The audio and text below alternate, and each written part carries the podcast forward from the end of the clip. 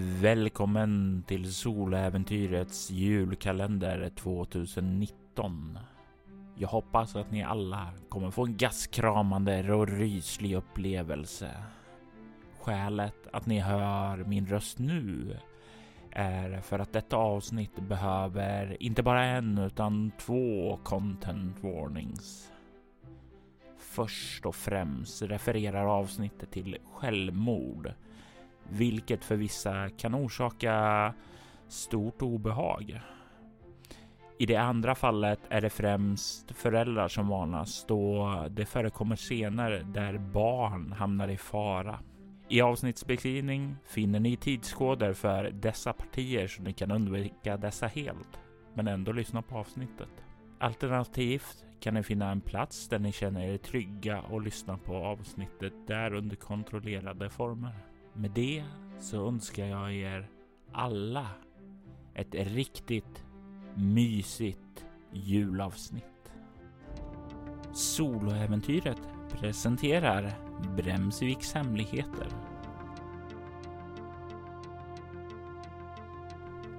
Lucka 1 Jul, jul, strålande jul.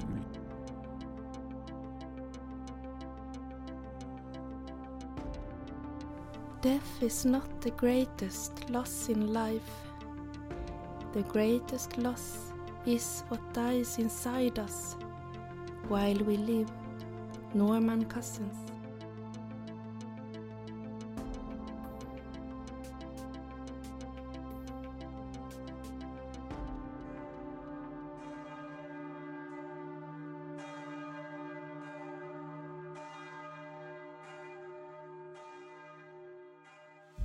San Sebastian 1981.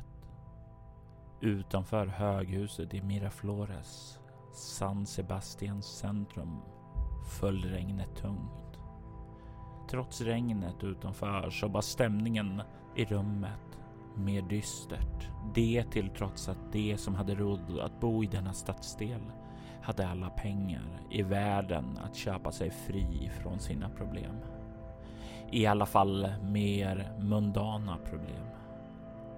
Tyvärr var Edvinas problem allt annat än mundana. Edvina höll sin dotter tätt intill sig i sin famn samtidigt som hon vandrade fram och tillbaka i lägenheten. På soffkanten satt en ganska kraftig kar ned och verkade lätt otålig. I alla fall om hans studsande knä var att lita på. Vid hans sida fanns ett hölster med en ordentlig pistol. Även om han inte verkar ha några behov av den just nu. Ska du hålla på länge till? Du vet att barnen måste bort. Edvina suckade djupt. Det var sant. Ända sedan Amanda hade fötts hade hennes liv varit i fara. Hon var ett särskilt barn. Ett barn med ett öde. Profetiorna talade om att hon skulle ha ett band till den namnlösa gudinnan. Gudinnan som släkten Pas värdade djupt. Tack vare de gamla lärorna hade det funnit sin plats i världen. Amanda skulle enligt förutspåelserna sluta den ständiga cykeln i gudinnans vandringar och vara där för att bevittna irrlärorna falla. Det var dock inte ensamma om att dyrka den namnlösa gudinnan. Deras rivaler, släkten Winterburn, var hänsynslösa i sin dyrkan och tvekade inte att ta till människooffer. De såg med fruktan på Amanda eftersom hon hotade att ända Winterburns hänsynslösa dyrkan av gudinnan. De ville se barnet dött, offrad till gudinnan om tillfället gavs. Edvina kramade om sin dotter en sista gång. Min älskade dotter. Jag önskar att jag skulle kunna finnas i ditt liv. Men så länge de vet vem du är kommer du alltid vara i fara. Det här är det enda sättet att hålla dig säker. Är du redo? Mannen kollade otåligt på klockan. Ja. Ta Amanda. Mannen tog försiktigt emot henne.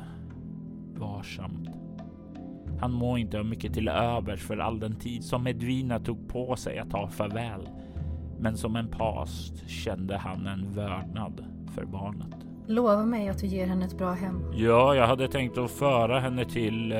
Nej, säg inte till vem eller var du tar henne. Ju färre som vet, desto bättre. Han nickade och började gå mot ytterdörren medan Edvina blev kvar i vardagsrummet. Tårar rann ned för hennes kinder då hon insåg att det här var sista gången hon skulle få se sin dotter. Hon skulle aldrig få se Amanda växa upp och bli den kvinna som hon var förutspådd att bli. Farväl Amanda. Du finns för evigt i mitt hjärta.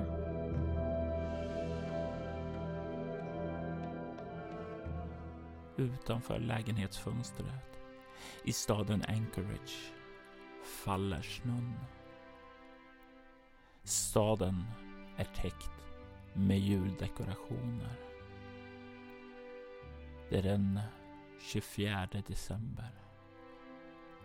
Dagen innan alla barnen samlas förväntansfulla framför granen för att öppna sina presenter. I detta hem så finns det ett barn som är förväntansfullt. Den unga lilla Vera, åtta år gammal, ser fram emot julafton. Hon har verkligen sett fram emot den.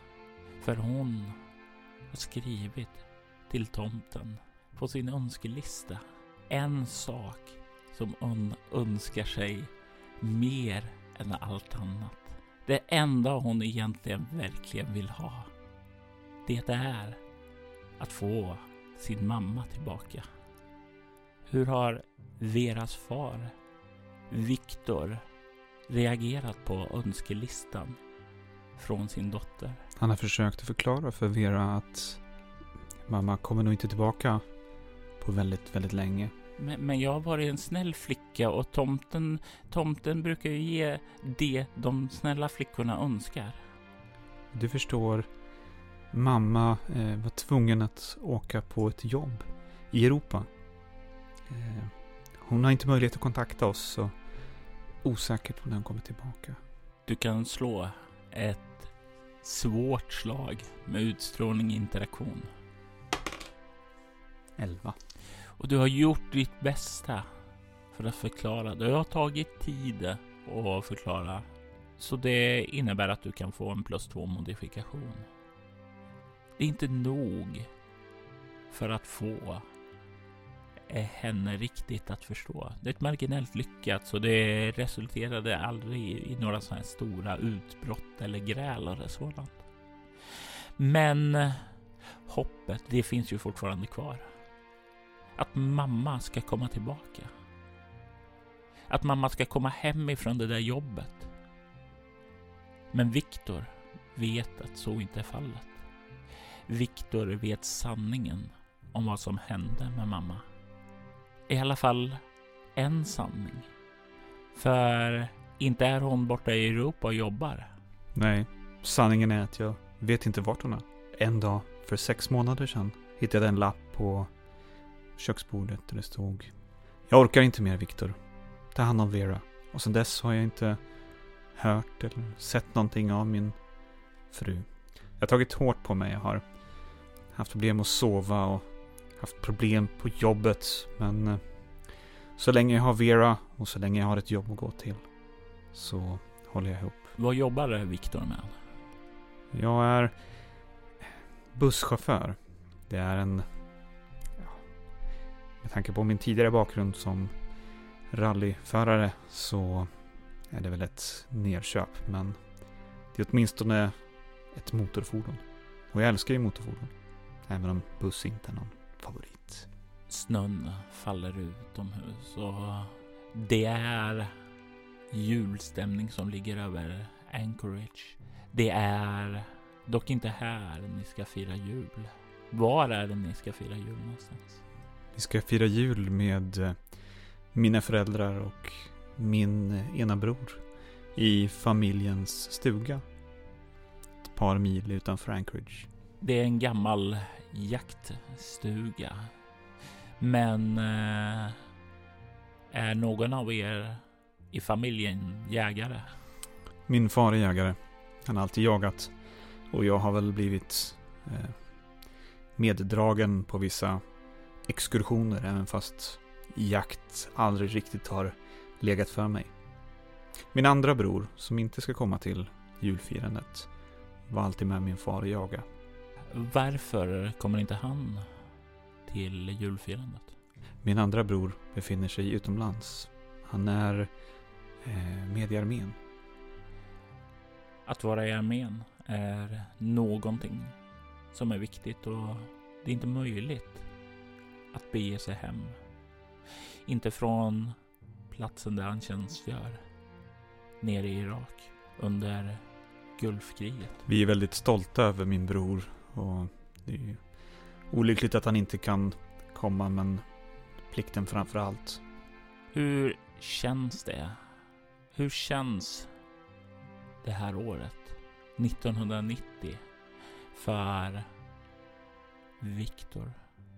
Det är en fru som har lämnat honom. Brodern kommer inte till julfirandet. Det kanske är hans första år isär er. Det är nog det tyngsta året i Victors liv. Hade han som sagt inte haft Vera eller sitt arbete så hade det inte gått bra för Victor. Att han dessutom är i Anchorage långt ifrån sin hemstad i Juneau gör inte saken bättre. Några vänner har han inte utanför jobbet. Utom möjligtvis några nere på garaget där han eh, mekar med sin eh, veteranbil. Det är eftermiddag och eh, det är förberedelser eh, som sker för att resa imorgon. Eh, just nu så håller Vera på att packa och då sätter jag dem packa inom dubbelfnuttar för eh, sättet hon packar är väl kanske inte riktigt vad som behövs packa utan eh, väldigt, väldigt eh, oorganiserat. Jag låter henne packa sin egen packning och tar en väska på sidan av med de nödvändiga sakerna såsom kläder, och tandborste och hårborste. Vad packar du? Jag packar det jag vet att jag behöver.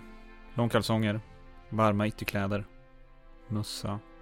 Och förstås Veras julklappar. Givetvis. Det är det viktigaste just nu.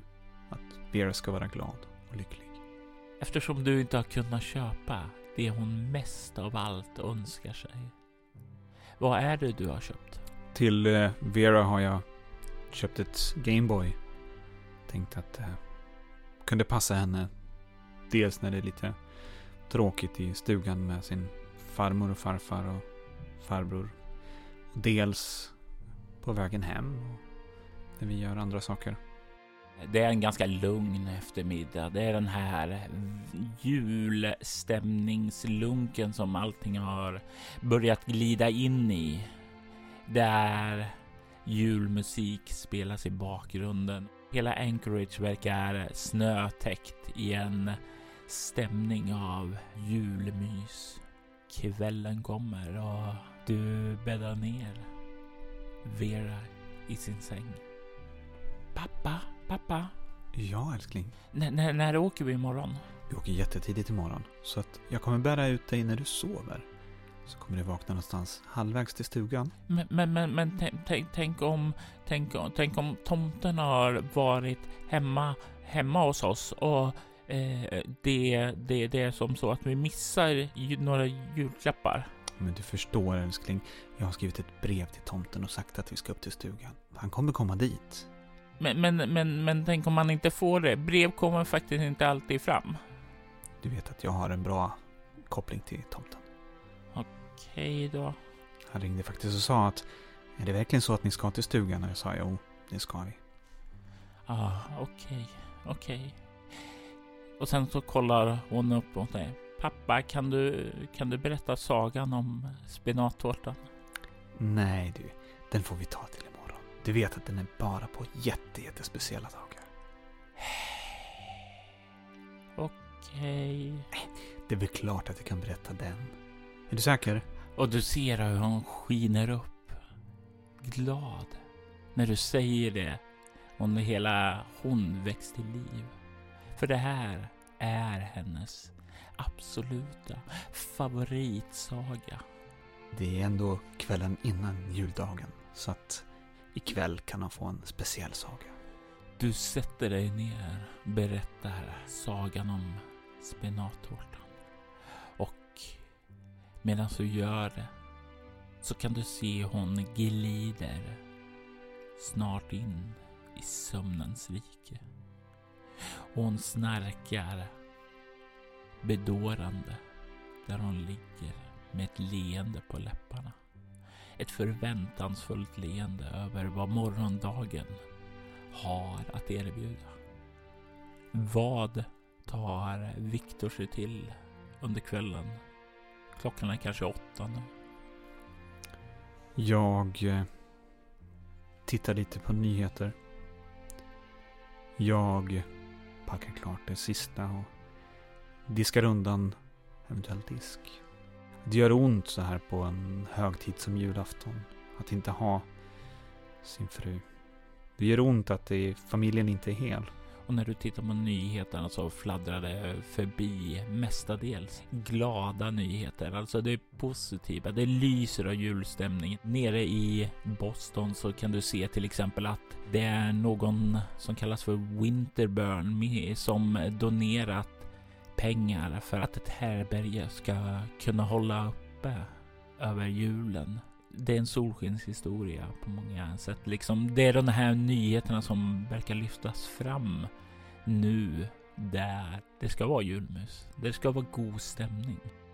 Det är inte så mycket nyheter om Irak där din bror är. Jag eh, kan inte riktigt relatera till de glada nyheterna på tv och ja, försöker väl slå på någon film eller någon tv-serie och slumrar väl till egentligen i, i soffan tills eh, jag vaknar framåt 11, halv 12 och sen går in och lägger mig på golvet bredvid Vera för att få lite närhet. Och du försöker att somna. Du vänder och vrider dig på där på golvet. Till slut så glider du in. Men inte in i en rofylld sömn. Du börjar plågas av en mardröm. En återkommande mardröm som du har haft den senaste tiden. Som kommer igen och igen och igen. Hur börjar den här mardrömmen? Den börjar ute i skogen. Det är snö, mycket snö. Och jag går omkring barfota och letar efter Vera som har, hon har gått vilse. Jag måste hitta henne. Hon kan inte gå omkring i kylan ute i skogen. Jag ropar efter Vera. Vera! Vera! Men jag får inget svar. Längre bort i skogen så tycker du ser plötsligt ett ljussken som eh, flammar upp. Ett starkt ljussken. Jag skyndar mig ditåt för att undersöka vad det kan vara. Kan det vara någon som har hittat Vera? Kan det vara ett hus? Vad kan det vara för något? Och du pulsar fram genom snön och du hör vinden yra omkring dig där bakom. Du, du känner. Ja, du kan slå ett eh, kropp plus överlevnad. Ett lätt slag för att se hur bra du dig tar fram. Du sa att du var barfota va? Jag barfota, ja. Så då har du minus två. Sex. Det är kallt. Du tar en bestående förlust i kropp. Du börjar huttra, det går sakta. Dina tår är som små isbitar. Du kommer närmare ljuset. Du ser hur ljusskenet måste ge ifrån sig värme också. För nu när du börjar stappla fram kommer du ut på ja, snön som har smält och verkar ha sedan fryst igen. Det är ett islandskap du kommer in i. Du kan se längre bort mot ljuset hur det verkar vara konturer av någonting. Jag tänker att du kan få slå ett kropp obemärkt för att urskilja i ljusskenet vad det kan vara. Ett lätt slag. Oj, 7 plus 6. 13. Du ser i centrumet av ljusskenet att det verkar vara en kontur av en skepnad, en människa. Ljusskenet verkar komma från en människa. Jag springer mot det. Vera! Vera! När du ropar där så hör du dina ord och det blir så här att de förlorar sin kraft bara efter en liten stund de slungas iväg. Så det blir Vero! Vero! Ljudet förvrängs. Du kommer närmare och du känner hur allting omkring dig börjar sakta ned. Som om du hamnar i slow motion. Du ser ljusskenet börjar falna och i nästa ögonblick så slocknar det och allting är mörkt omkring dig. När allting slocknar omkring dig och du riktigt inte kan se vad är din första impuls då? Fortsätter framåt snabbare än tidigare. Och här är det dags att slå ett svårt slag med kropprörlighet. För det är halt, det är mörkt och det är okänd terräng. Och du är barfota. Två, så jag slår sju. Och du rusar framåt och det är liksom med mörk men du börjar sakta kunna urskilja någonting. Någonting längre fram. Och du tränger dig längre än vad du tidigare har kommit i den här mardrömmen. Du, du har inte riktigt kommit så långt utan det är när ljuset falnar och det blir mörkt som du har vaknat tidigare. Men du fortsätter fram i mörkret. Jag skriker om jag kan. Vera! Vera! Och nu så är det som om orden kommer ut i full kraft igen och ekar framåt.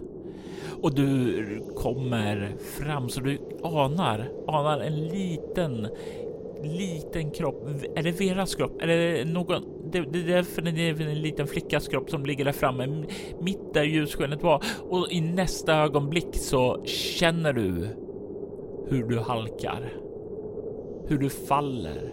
Hur bakhuvudet träffar isen med en kraftfull smäll.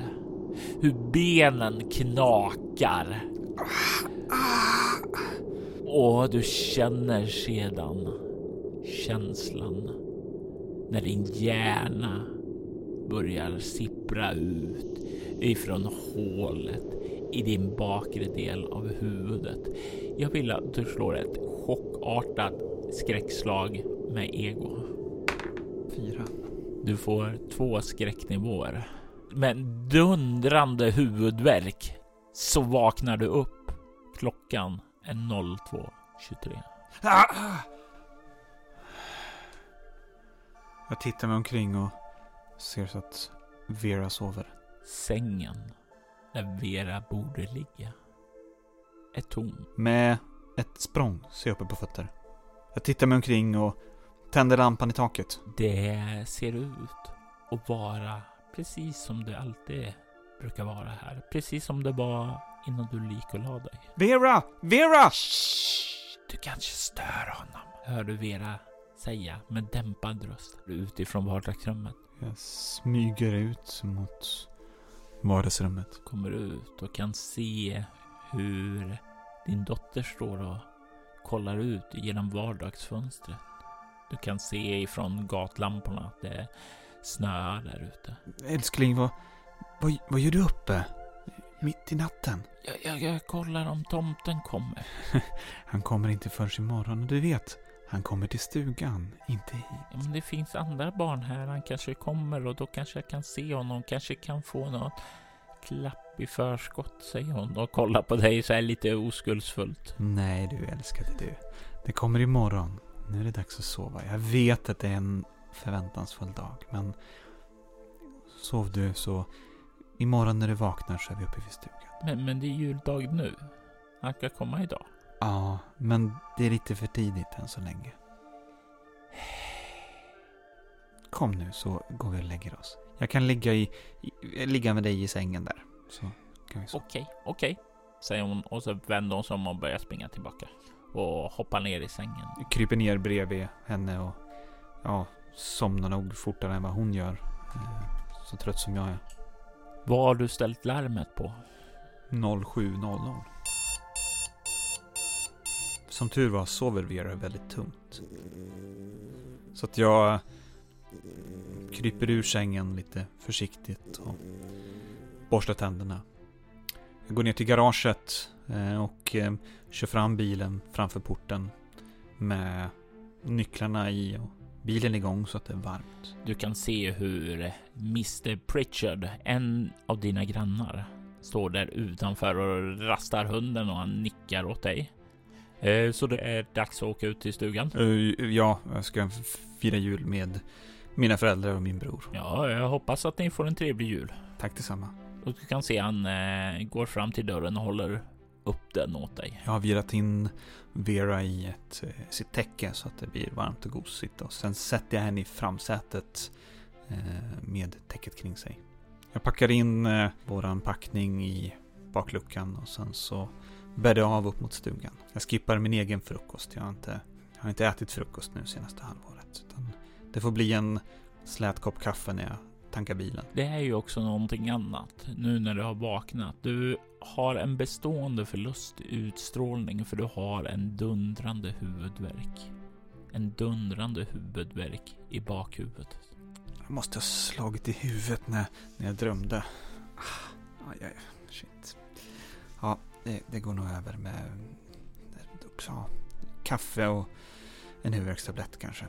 Och du beger dig ut på vägarna ut från Anchorage. Ut i vildmarken till er jaktstuga. När skulle din bror och dina föräldrar komma dit? Mina föräldrar har varit där hela veckan. Och min bror skulle komma nu under dagen, som jag. Mm. Bor din bror också i Anchorage? Nej, han bor kvar i Juneau som eh, mina föräldrar. Så då kommer han troligtvis eh, senare under dagen då eftersom du har närmare och åker på morgonen så Precis. snön faller tungt. Det är en äkta så en julstämning. Det är inte mycket trafik ute på gatorna och eh, inte heller på vägarna när du kommer ut ur Anchorage. Du möter enstaka bilister där och några lastbilar som har tvingats att köra även under julen. En tanke far igenom dig att det, det är nog troligtvis bra betalt där på just de här tiderna. Du är ju en van bilist. Du har inga problem att eh, hålla fordonet under kontroll och hålla en god hastighet heller. Till skillnad från många av de andra som kör betydligt lugnare och mer försiktigt. Stadsbor, suckar jag för mig själv. Och du hör när ni har lämnat Anchorage och kanske är 20 minuter bort ifrån staden som eh, det gnyr till där bak.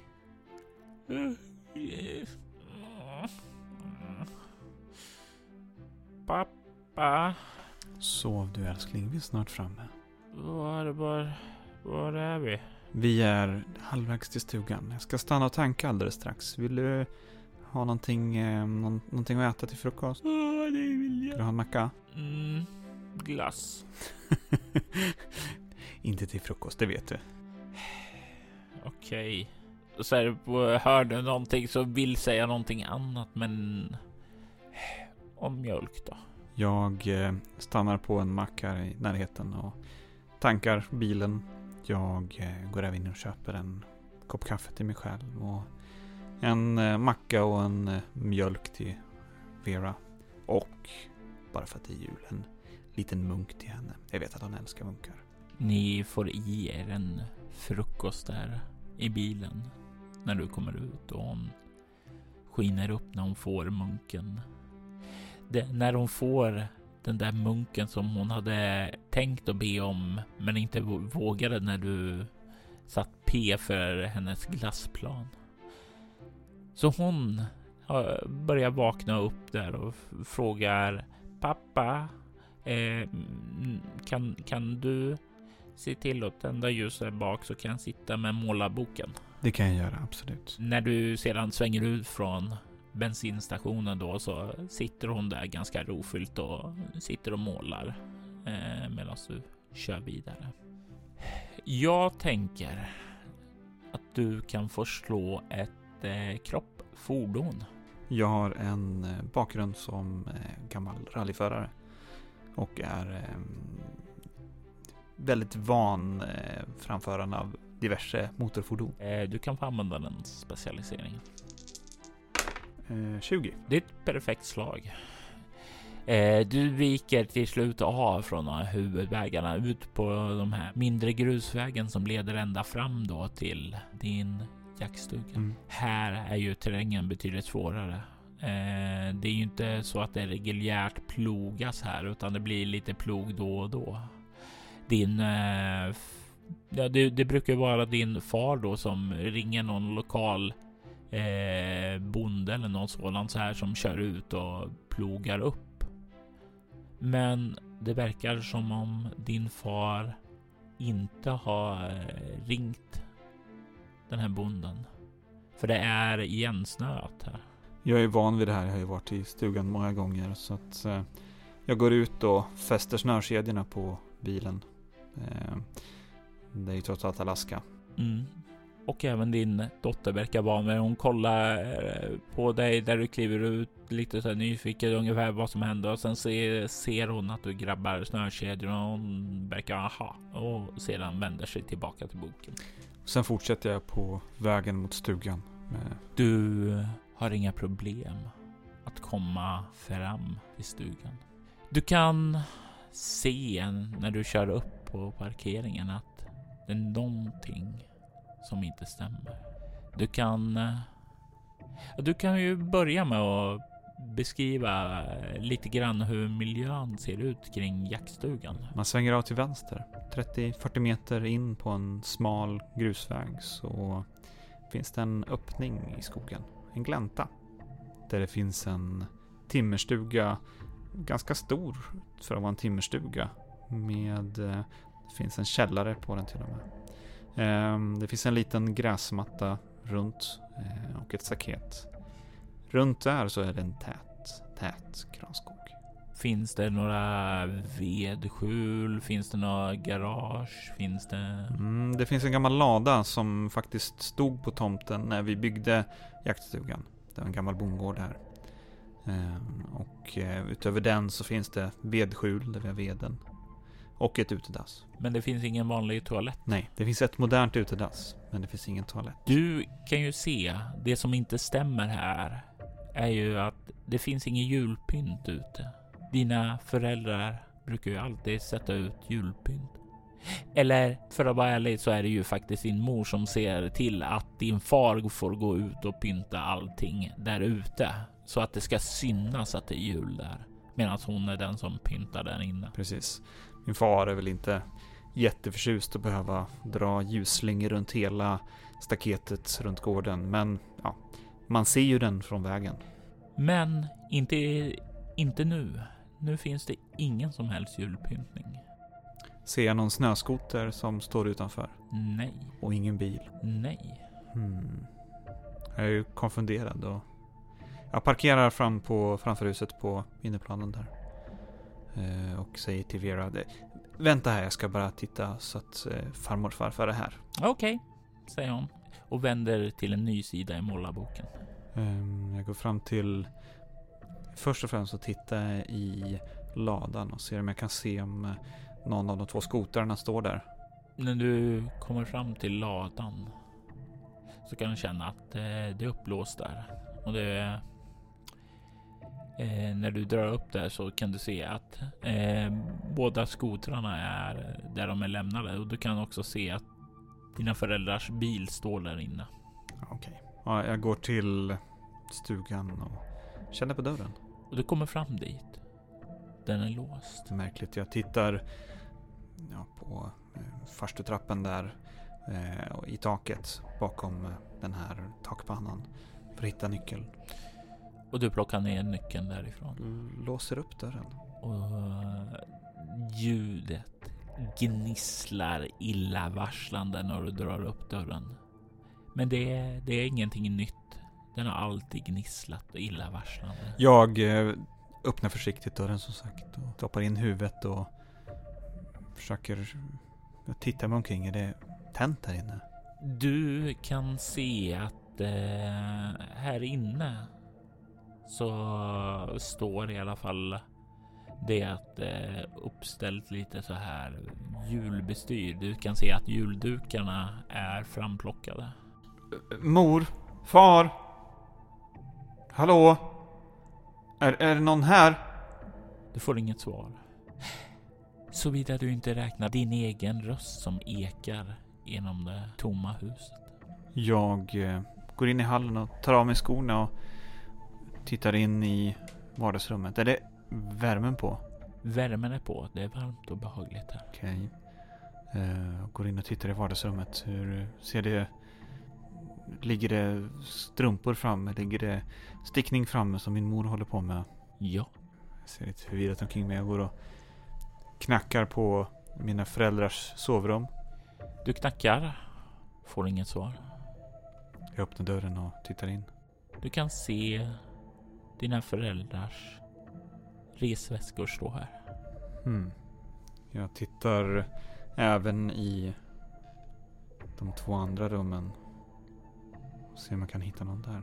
Du kan se också att eh, din brors väska står i ett av de rummen. Din bror som skulle komma senare idag. I det andra, sista sovrummet var det ingenting. Nej, det var ju det sovrummet ni skulle ha, du och din dotter. Och där är det tomt. Okej.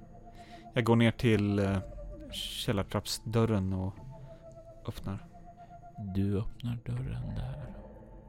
Och det, det är mörkt.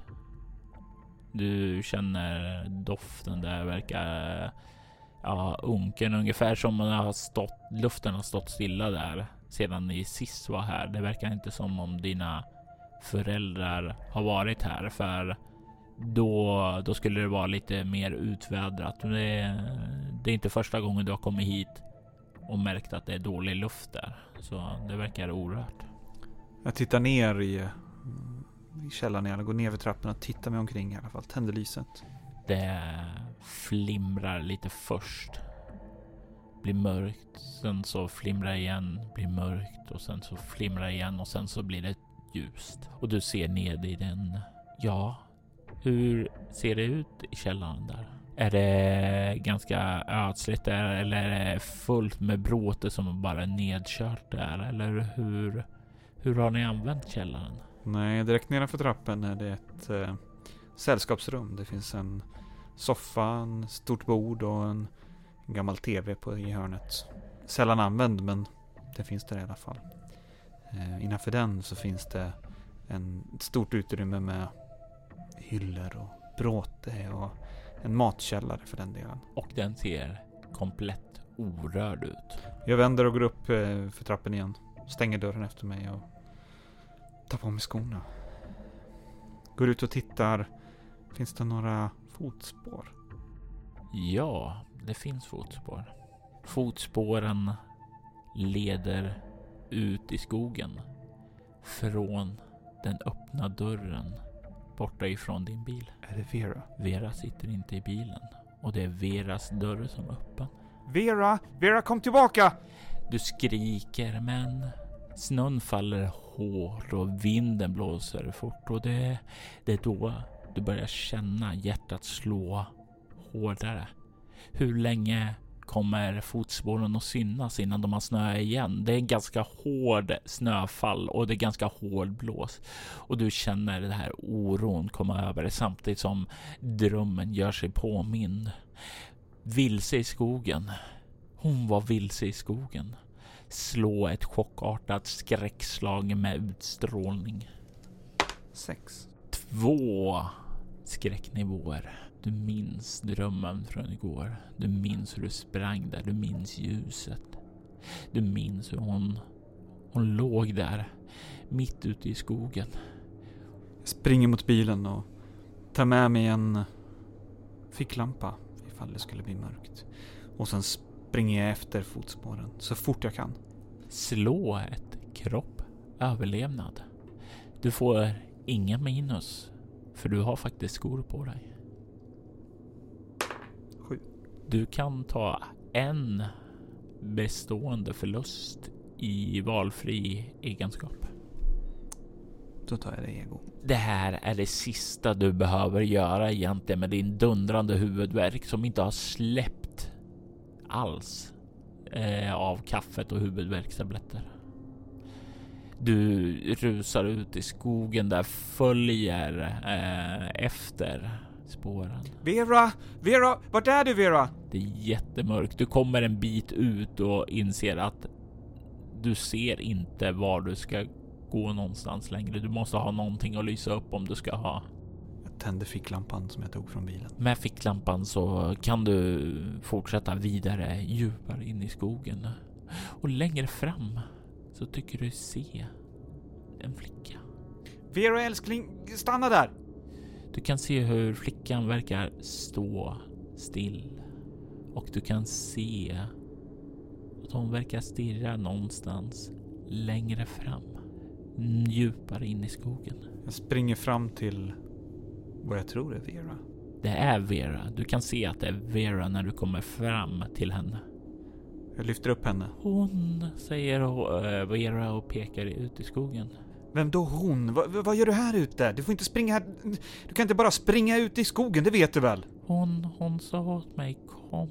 Vem då hon? Hon, säger hon och pekar igen. Jag tittar ditåt. Du stirrar in i den mörka skogen. Du kan inte se någonting. Eller du kanske ser någonting precis utanför ljuskäglan ifrån ficklampan. Eller så är det bara du som inbillar dig för att Vera säger att det är någonting där. Men du kan inte se något. Inte något du kan definitivt beskriva i alla fall. Hon kallar på mig. Nej, nej, nu går vi tillbaka. Nu, vi kan inte vara här ute i skogen mitt i natten. Kom nu! Vi, hon, hon vill att jag kommer. Ja, jag förstår, men nu, nu måste du gå tillbaka. Kom nu. Ja, jag kommer, hör du henne säga. Och, men hon gör ingen motstånd när du börjar. Jag ehm, vänder och följer mina egna fotspår tillbaka mot stugan. När du vänder dig om och börjar röra dig tillbaka känner du hur hon vrider sig i din famn. Hon vrider sig så att hon kollar över din axel djupare in i skogen. Efter någonting. Någonting som hon sa kallade på henne. Du kommer tillbaka ut på gården och eh, du kan se som sagt var stugan står där borta. Är, bilen står likväl där.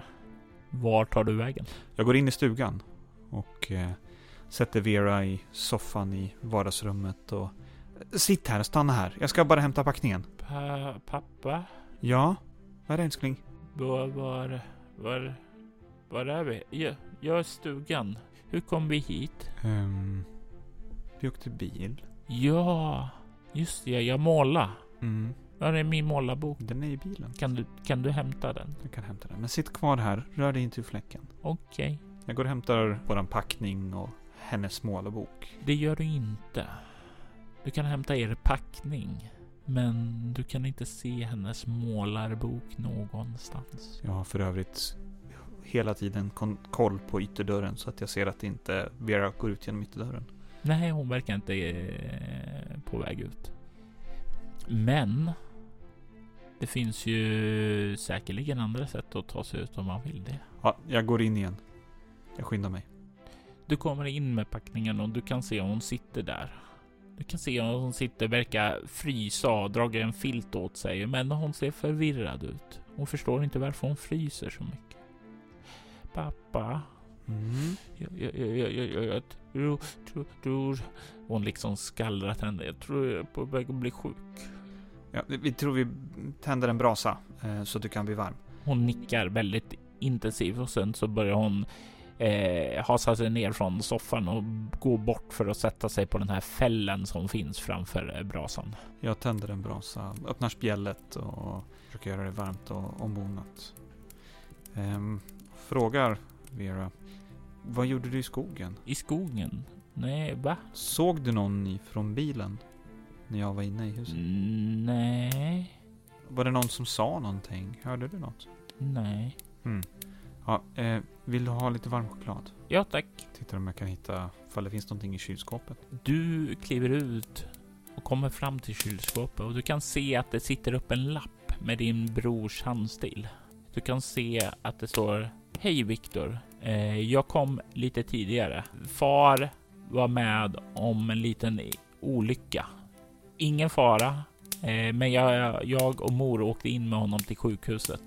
Vi kommer tillbaka eh, imorgon och det du kan se längre ner att han har daterade till att det var igår som de åkte in. Okej. Det förklarar det hela. Jag känner mig lite lättad till mods och kan slappna av lite grann när jag vet att det har, det har inte hänt någonting med min far och mor och bror. PS står det sedan. Hittade det här brevet liggande vid dörren och sen så kan du se att det är fastsatt en kuvert under. Och det står till Viktor med Camilles handstil. Din exfru. Hon som var försvunnen. Det vänder sig i magen på mig och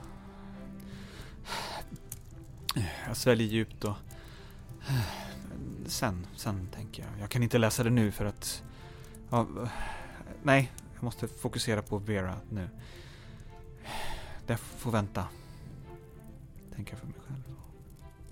Sen gör jag lite varm choklad åt Vera och eh, tänder brasan. Um, jag sätter mig bredvid Vera och eh, ja, myser lite grann under en filt på fällen. Och hon kryper upp i din famn med eh, mänsklig värme framför en brasa med varm choklad. Det är bland de mysigaste känslorna. Och hon spinner nästan som en katt. Och jag kan eh, i alla fall tillfälligt slå bort tankarna kring brevet eh, när jag sitter här. Det är faktiskt en sån behaglig situation att du kan få tillbaka en skräcknivå.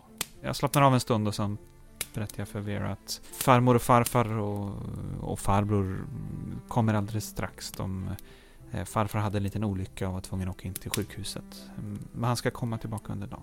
Ja, ja, ja, det hoppas jag. Det borde inte jul utan honom. Nej, det vore det ju inte.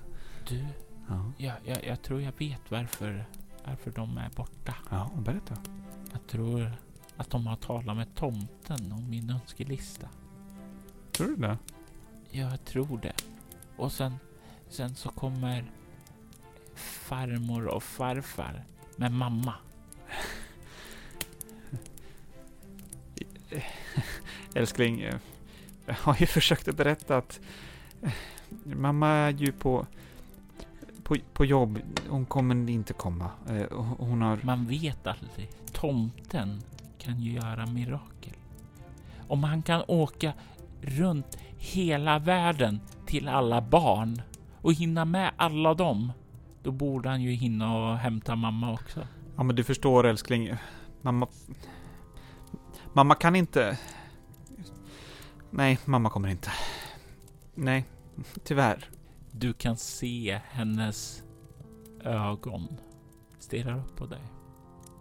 Hur de börjar tåras när du säger det här. Och du känner den här lilla idylliska bilden som var där börjar att krasas. Jag kramar om henne hårt. Och sedan får du slå ett skräckslag med utstrålning. Och du får välja hur ont det här gör i ditt pappahjärta. Det här gör ont. Så ett chockartat. Slå fyra. Du får två skräcknivåer när du berättar att mamma kommer inte. Och du kramar om henne. Och du kan eh, höra hur hon försöker hålla tillbaka sitt hulkande. Det går så där. Jag fäller en tår jag också, men inte så hon ser. Ehm, det här gör jätteont för mig också.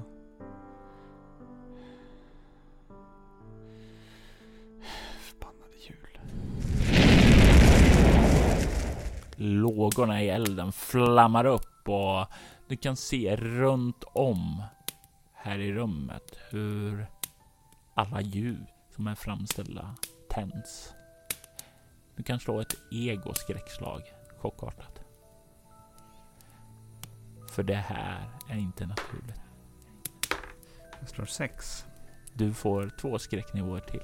Då är jag fullt på de allmänna, så att... Jag sätter dem på chock. Ljus tänds omkring er. De flammar upp från ingenstans och plötsligt är det här vardagsrummet betydligt ljusare än tidigare. Jag säger ingenting utan sitter helt fast, som fastfrusen i golvet och håller om Vera och tittar mig oroligt omkring. Det är tyst. Snön faller där ute. Du kan höra ljudet av knakande då vinden viner där. Ehm, eh, ehm, eh, Sätt, dig i soffan, ska, ska, ska jag titta vad, vad, vad, vad, som händer. Jag vill sitta vid elden. Det är varmt och skönt. S- Sitt här. Jag ska titta. Jag reser mig upp och går fram till fönstret och tittar ut mot baksidan. Mot framsidan om jag inte ser någonting. kollar ut där på baksidan. Det är mörkt. Ser snön falla. Syns inte särskilt mycket men det ser inte ut att vara något märkligt där. Du hör när du vänder dig om för att gå och kolla på framsidan där hur Vera säger Pappa, Mm, mm, kan inte du sätta på någon julmusik? mm, absolut. Vadå? Någonting bara, det är så tyst. Va, vadå? Jag förstår inte. Ja, eh, ja, ja, ja, ja, ja, ja, det, ja, ja älskling, vänta. Tack! Hör du din dotter säga. Ser jag någonting på framsidan? kommer ut där. Och du ser ingenting som sticker ut.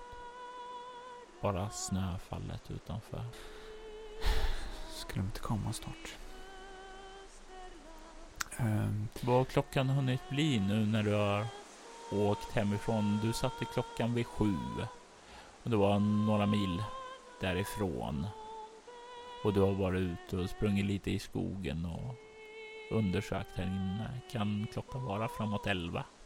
något sånt. Det har väl, ja, det blir ju inte mycket ljusare uppe så här års, men det blir ljusare i alla fall. För er som bor där så är det ju ljust. Men ja, stadsborna skulle ju inte säga att det var ljust. Nej. Det verkar lugnt och stillsamt där ute. Snön ligger vit om taken. Men det är inte bara tomten som är vaken. Det är ni också. Och säkerligen andra här. Men det är inte så många grannar i närheten att söka sig till. Utan det är nästan att ta sig ut på eh, motorvägen igen. Om man ska få kontakt med någon annan folk. Jag går runt lite förvirrat en stund och försöker se om jag kan förstå vad som händer. Varför börjar ljusen tändas? Musiken spelas där i bakgrunden. Samtidigt som eh, Last Christmas scrollar i stereon så kan jag inte låta bli än att öppna kuvertet Var öppnar du brevet? i köket. Du ser din frus handstil. Det sticker i dig när du ser det.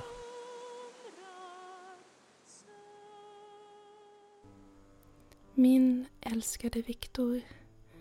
Jag önskar att allt vore annorlunda. Jag älskar dig och jag älskar vår dotter.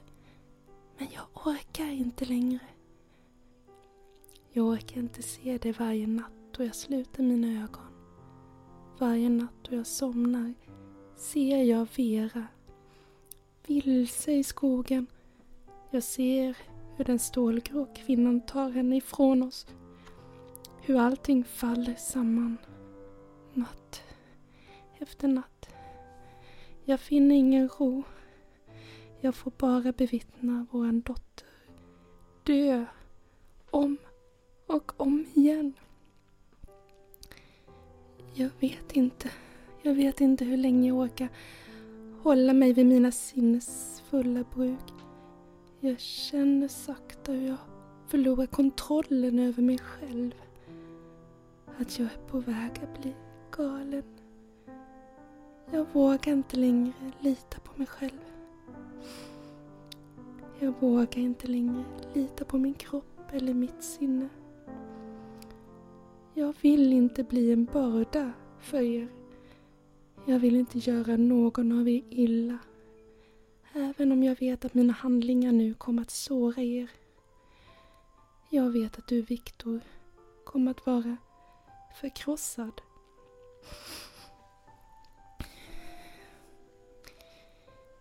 Jag älskar er. Men så länge jag lever kommer jag, kommer jag att vara en börda för er. Jag lämnar brevet här, för när du finner det så kommer jag inte längre finnas kvar. Jag älskar er så mycket. Snälla Viktor, berätta för vår dotter hur mycket jag älskar henne. Hata mig inte.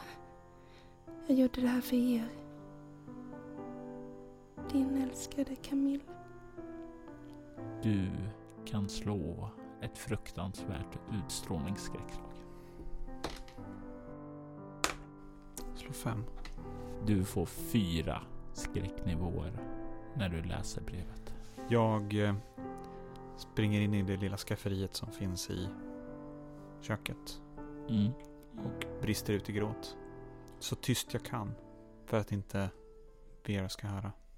Och jag tänker att du kan få slå ett utstrålning obemärkt. Ett lätt slag. För att kväva tårarna så att din dotter inte hör det. Nio slår.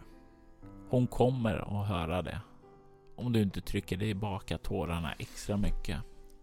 Det vill säga tar en bestående förlust i ego eller utstrålning. Då tar jag en bestående förlust. Jag eh, lutar mig mot väggen i skafferiet och sjunker ner mot golvet och sätter huvudet mellan knäna och gråter så tyst jag kan. Lite för länge. Lite för länge. För länge. För länge. Du vaknar med ett ryck. Det är kallt. Det är mörkt. Du känner att det är för kallt. Det är som om vinterkylan har letat sig in här i köket. Du känner tårar som har runnit från dina tårkanaler ned ut över kinderna och har frusit till is. Jag ställer mig hastigt upp och slänger upp dörren till skafferiet. Det slår upp med ett brak och du kollar ut där och du kan se hur det är mörkt. Det är mörkt där ute. Bortsett från månskenet där ute. Inga ljus. Ingen brasa. Nej, det verkar släckt. Inga taklampor. Nej. Jag famlar efter lysknappen i köket. Och du drar ju lysknappen och känner att det ska lysa och du trycker den fram och tillbaka men det händer ingenting. Jag springer ut i vardagsrummet. Och när du kommer ut ur köket för att röra dig mot vardagsrummet så märker du varför det är så kallt. Ytterdörren står på vid gavel. Jag springer ut mot vardagsrummet och skriker Vera! Du kommer ut i vardagsrummet, ser att elden har slocknat. Slocknat sedan länge. Och du ser inte din dotter där inne. Jag skyndar mig ut i hallen. Snör på mig skor. Det har jag lärt mig från drömmen. Sätter på mig en varm, min varma jacka och varm mössa och tar fram en eh, ficklampa. Det, du plockar på och gör de här förberedelserna. Förberedelser som gör att det ska vara lättare att röra sig där ute. Men det tar ju tid. Tid som du kanske inte har. Men det gör det definitivt lättare att färdas i vildmarken.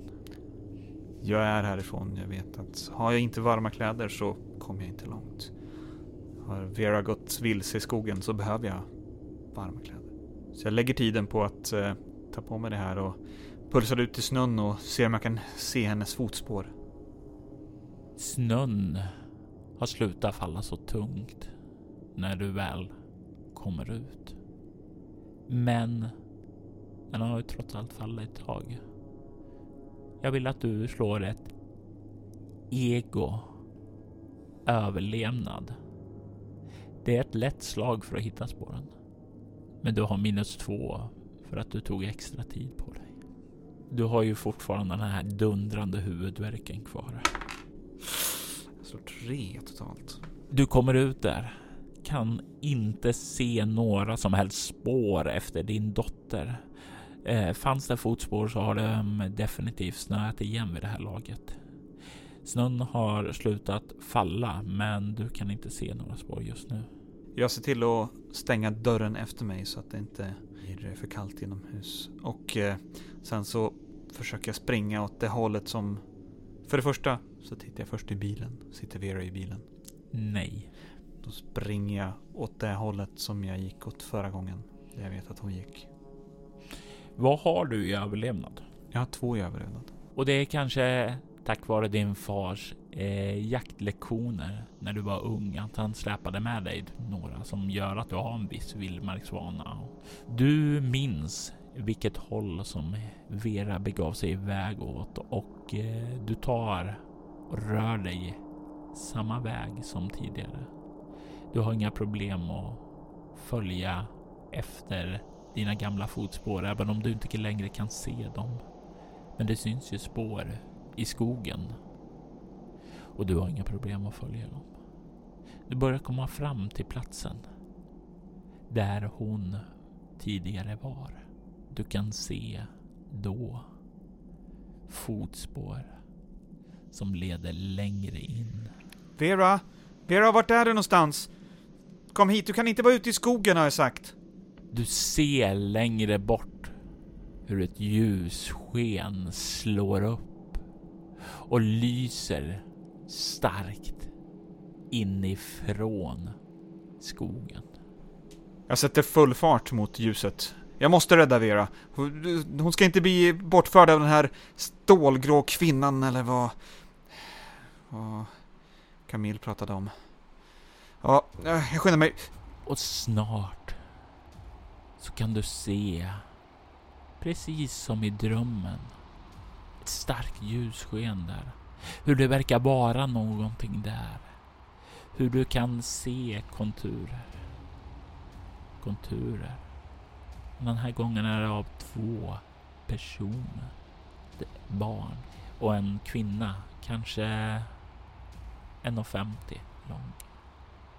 Och du kan också se framför dem det här islandskapet. Hur ljuset måste ha varit varmt och smält en del av snön och sedan eh, hur kylan har gripit tag i det igen och förvandlat det till det här ismiljön omkring det. Det är eh, till och med så att du kan se en del buskar och sådana har blivit som isstatyer. Du ser den här kvinnliga gestalten sträcka ut sina händer. Ungefär som en moder som gör gester mot sitt barn. Kom, ge mig en kram. Och du ser flickan, din dotter, nästan i trans, vandra fram emot henne. Vera, nej! Säger jag och springer fram i så fort jag kan och försöker slänga mig mot min dotter. Slå ett kropp rörlighet. Svårt slag. Du kan få plus ett. För du har ju minnen från drömmen om hur det gick sist. 10. Jag skulle vilja slå om det slaget utifrån min bakgrund hankar sig fram. Ja, då tar du och slår om. Det kan inte gärna bli sämre. Eh, då slår jag 14. Det är marginellt lyckat. Du rusar framåt och du kommer ut på isen. Men den här gången så halkar du inte. Du faller inte bakåt.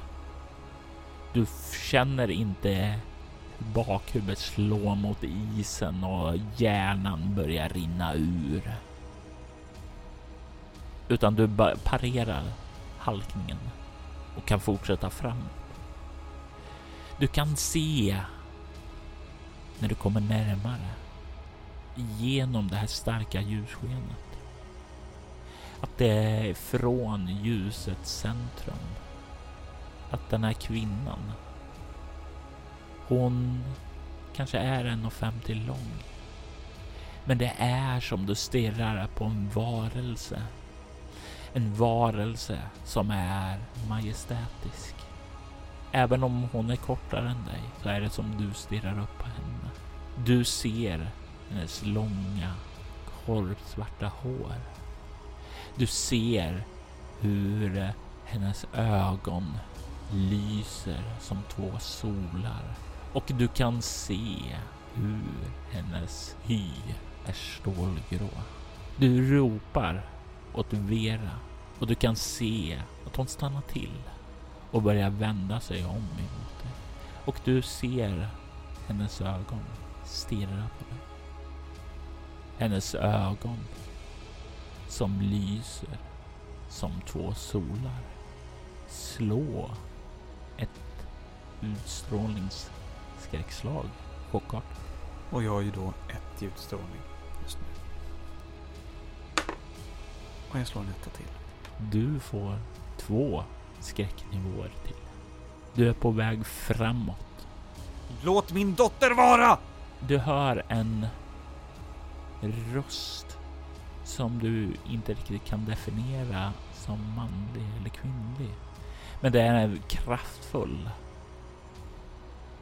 Och den hörs inte eka genom skogen. Den hörs i ditt huvud. Denna skärva är min. Jag återkräver det som stals ifrån mig. Du kan se hur din dotter bara står och stirrar på dig. Om du ska ta någon, ta hellre mig! Låt min dotter överleva! Du bär inte på vad jag behöver. Du kan se hur din dotter vänder sig om. Och du börjar komma närmare. Jag eh, slänger mig över den stålgrå kvinnan och försöker brotta ner henne, slå henne. Gör vad som helst, jag måste stoppa henne. Du kan få plus ett på den beskrivningen och sedan slå ett kropp närstrid. Eh, och jag slår ett slag för henne. Jag har sju. Sex plus ett, det är sju då. Plus två, nio. 26. Du ser när du kastar dig emot det. Det är som hon ser vad du tänkt göra. Att hon vet vad du tänkt. Det är som hon vet bättre hur du går tillväga än vad du själv vet. För i samma sekund som du kastar dig mot henne så tar hon ett steg bort och du landar med ett brak på marken och tar en bestående förlust i kropp när du slår i isen. Du får inte ett slag i huvudet utan du landar på armarna med ett brak där och hon har tagit ett steg runt och hamnat bakom din dotter. Jag försöker fånga henne, ta tag i henne, brotta ner henne fysiskt, stoppa henne. När du kommer upp på fötter för att ge dig nästa eh, nästa attack så ser du hon står ju bakom din dotter. Din dotter är i vägen. Hon håller händerna på axlarna på din dotter. Vera, se upp! Du kan se hur Vera står där, kollar mot dig med sina lysande ögon och du hör hennes röst. Det är lugnt pappa. Vad ska hända? Och du ser hur den här kvinnans händer börjar lysa upp mer intensivt och i nästa sekund ser du din dotter flamma upp i lågor. Du ser hur hon förvandlas till aska som pyr genom vinden framför dina ögon på loppet av blott någon sekund. Och den här askan liksom far i vinden över dig. Och här är det dags för ett fruktansvärt skräckslag med utstrålning.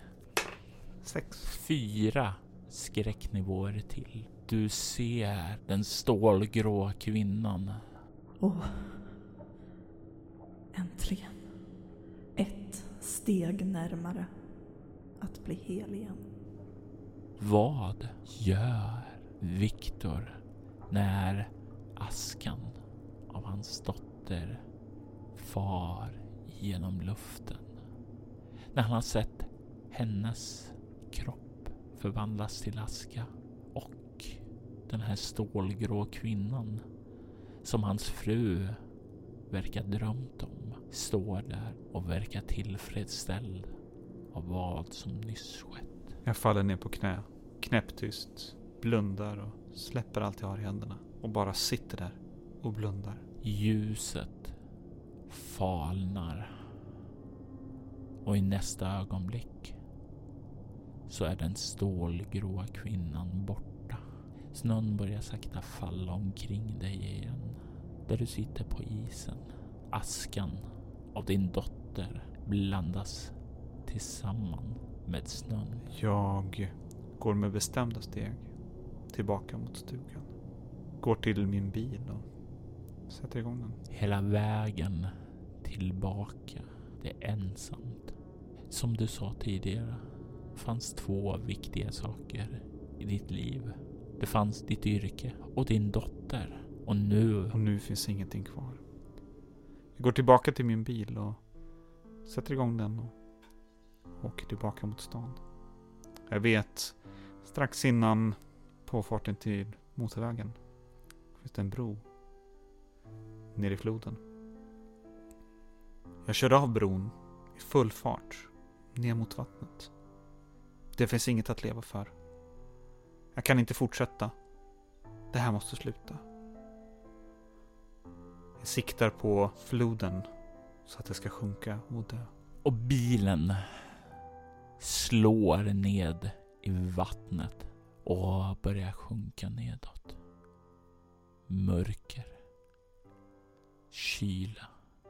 Vad går igenom dina tankar när det börjar omfamna dig? Bilden av min dotter i bilen när vi åkte upp till stugan. Och de sista orden som jag kunde läsa i min frus brev. Det vad jag ser. Innan mörkret omfamnar mig. Och när du sakta flyter bort så hör du orden från din fru.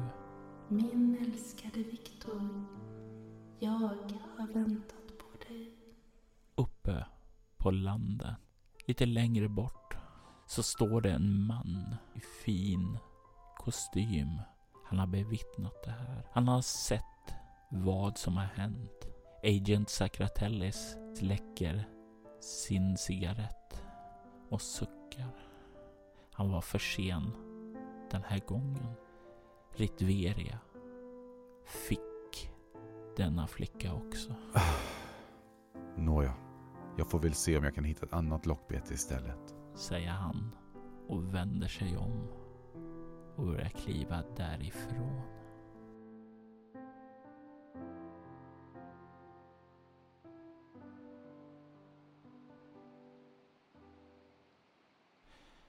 Otroliga krafter, vida bortom människans kunskapsnivå vid den här tiden, fanns inom den lilla pojken som väntade tyst på sin plats i flygplanet. Det var en vacker dag och solen såg ut att stråla, även om det var svårt att se det från pojkens plats. Han kunde definitivt inte se havsytan som det för tillfället flög över. Det var på väg mot en speciell plats med ett speciellt mål. Pojken insåg dock inte det. Han lade inte märke till alla militärer som fanns ombord och insåg därmed inte stundens allvar. Istället höll han sig lugn och omedveten om situationens allvar. Den lille pojken reagerade inte ens då en man kom fram och grep tag i honom. Inte heller då det förde honom fram till platsen där han några minuter senare skulle slängas ur planet. Inte heller då han föll från planet ned mot staden reagerade han. Även om han inte visade omgivningen någon uppmärksamhet så måste det ha funnits någonting som fick honom att reagera. Hans krafter frigjordes för tidigt. I en våldsam explosion dränktes staden under honom i en enorm hetta och radioaktiv strålning. Byggnader smälte av hettan och människor dödades omedelbart. Alla som hade haft oturen att befinna sig utomhus den där augustidagen hade obenhörligen dödats av den lilla pojkens kraft. Eller rättare sagt, alla utom en. I centrum fanns Felicia. Vid hennes sida hade en äldre man funnits. Och de hade sprungit sida vid sida genom parken. Precis som vanligt innan de satte igång sin träning. För dem var det den 6 augusti 1945 en helt vanlig dag. Ingen av dem såg Enola Gay svepa in över Hiroshima och än mindre hur Little Boy släpptes från planet. Mannen utplånas ögonblickligen.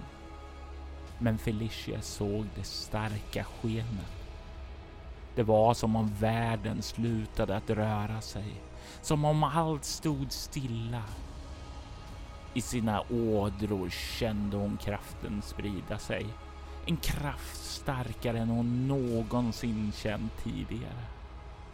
Det var inte hennes tid att dö. Det här var hennes uppvaknande.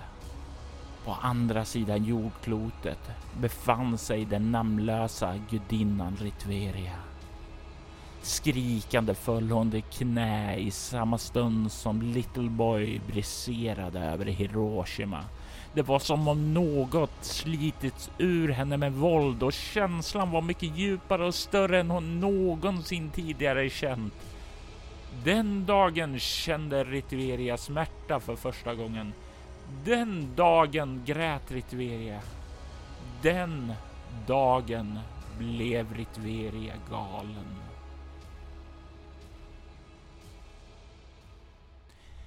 Spelledaren i detta avsnitt är Robert Jonsson och Victor Crane spelades av Jonas Karlsson. Övriga röster i detta avsnitt är Amanda Sten som Edwina Past, Maria Rutgård som Camille Crane, Regina Backlund som Ritveria och Jörgen Niemi som Agent Sakratellis. Jul, jul, strålande jul var ett scenario skrivet av Robert Jonsson till rollspelet Bortom och han stod även för redigeringen och ljudläggningen av avsnittet.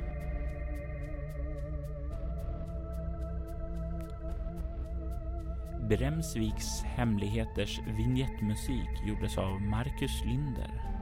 Övrig musik i detta avsnitt gjordes av Agersonus, Ugasani, Andreas Lundström, Adrian von Ziegler, Mimmi Rosendahl och Shrine.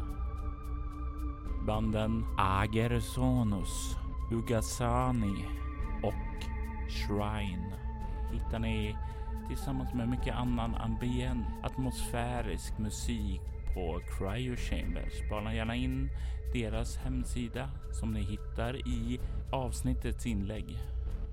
All musik i avsnittet används med tillstånd. Mer information om rollspelet Bortom hittar du på bortom.nu och mylingspel.se. Följ gärna soloäventyret på Instagram och Twitter under namnet Spela Bortom eller på Facebook som Soloäventyret. Tack för att du har lyssnat.